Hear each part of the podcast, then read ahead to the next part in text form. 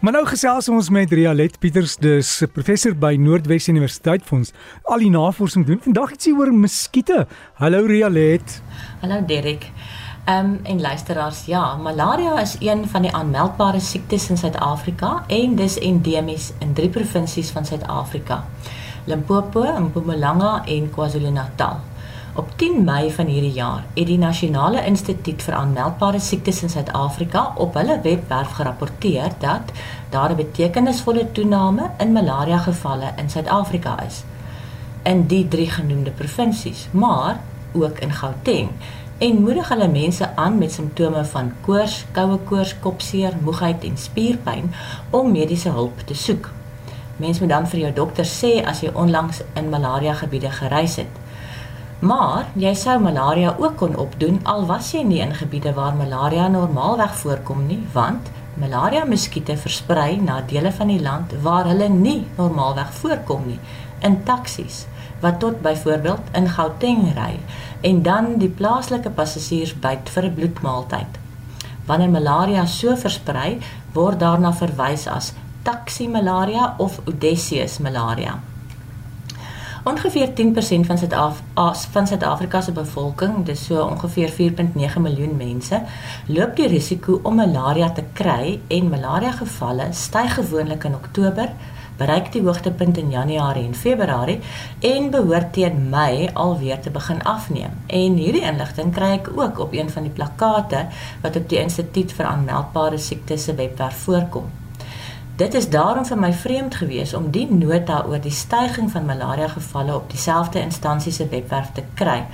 Maar ek neem aan dat die gerapporteerde toename van malaria gevalle wat op 10 Mei aangemeld is, ietwat ou inligting is wat uiteindelik die webwerf gehaal het na afloop van die 2022-2023 somerseisoen. Volgens hierdie einste webwerf kom 90% van die wêreld se ongeveer 440 000 jaarlikse malaria sterftes in Afrika voor en is daar tussen 2015 en 2019 ongeveer 10 000 tot 30 000 malaria gevalle aangemeld in Suid-Afrika alleen. Dit was die oogmerk van die nasionale gesondheidsdepartement om teen vanjaar geen plaaslike oordrag van malaria te hê nie. Maar soos ons nou net gehoor het, was daar maar weer 'n stygings in malaria gevalle.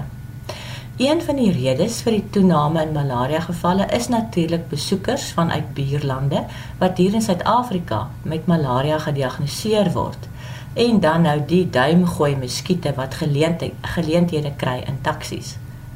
Een van die ander uitdagings is dat muskiete weerstandig raak teen insekdoders wat gebruik word om die muskietbevolkings in toom te hou. Net gou 'n kort oorsig oor die lewensloop van die malaria parasiet. Eensellige organismes, Plasmodium en daar's verskeie spesies, benodig beide die Anopheles muskiete en die mens om sy lewensloop te kan voltooi. En is eintlik net die wyfie muskiete wat betrokke is omdat dit net hulle is wat bloedmaaltye neem.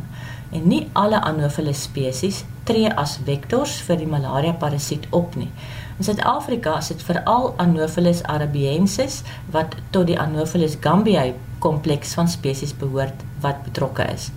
Wanneer die muskietwyfie se monddele die mens se vel deurdring tot in die bloed vat, skei sy antikoagulant af wat keer dat die bloed gou stol en in die proses infekteer sy die mens gasheer. En wanneer 'n ongeïnfekteerde muskiet 'n geïnfekteerde mens steek en bloed opsuig, beland die parasiet weer in die muskiet en voltooi die lewensiklus in die maag van die muskiet. Daar's verskeie lewensstadiums wat in die bloed en lewer van die mens voorkom en ook verskillende lewensstadiums in die muskiet. Volgens 'n 2013 artikel wat ek raakgeloop het in die South African Medical Journal deur Broek en ander medewerkers in Suid-Afrika, is die eerste gedokumenteerde toetsing vir muskietweerstandigheid teen insekdoders in 1978 reeds gedoen en toe is niks aangetref nie.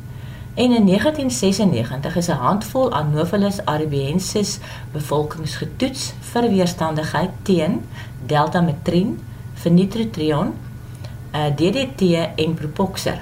En net een van die bevolkings was toevatbaar vir een van die insekdoders, naamlik propoxer. En in 2000 beleef Suid-Afrika sy ergste malaria epidemie. van die muskiete was toe weerstandig teen permetrin, maar DDT kon hulle nog doodmaak.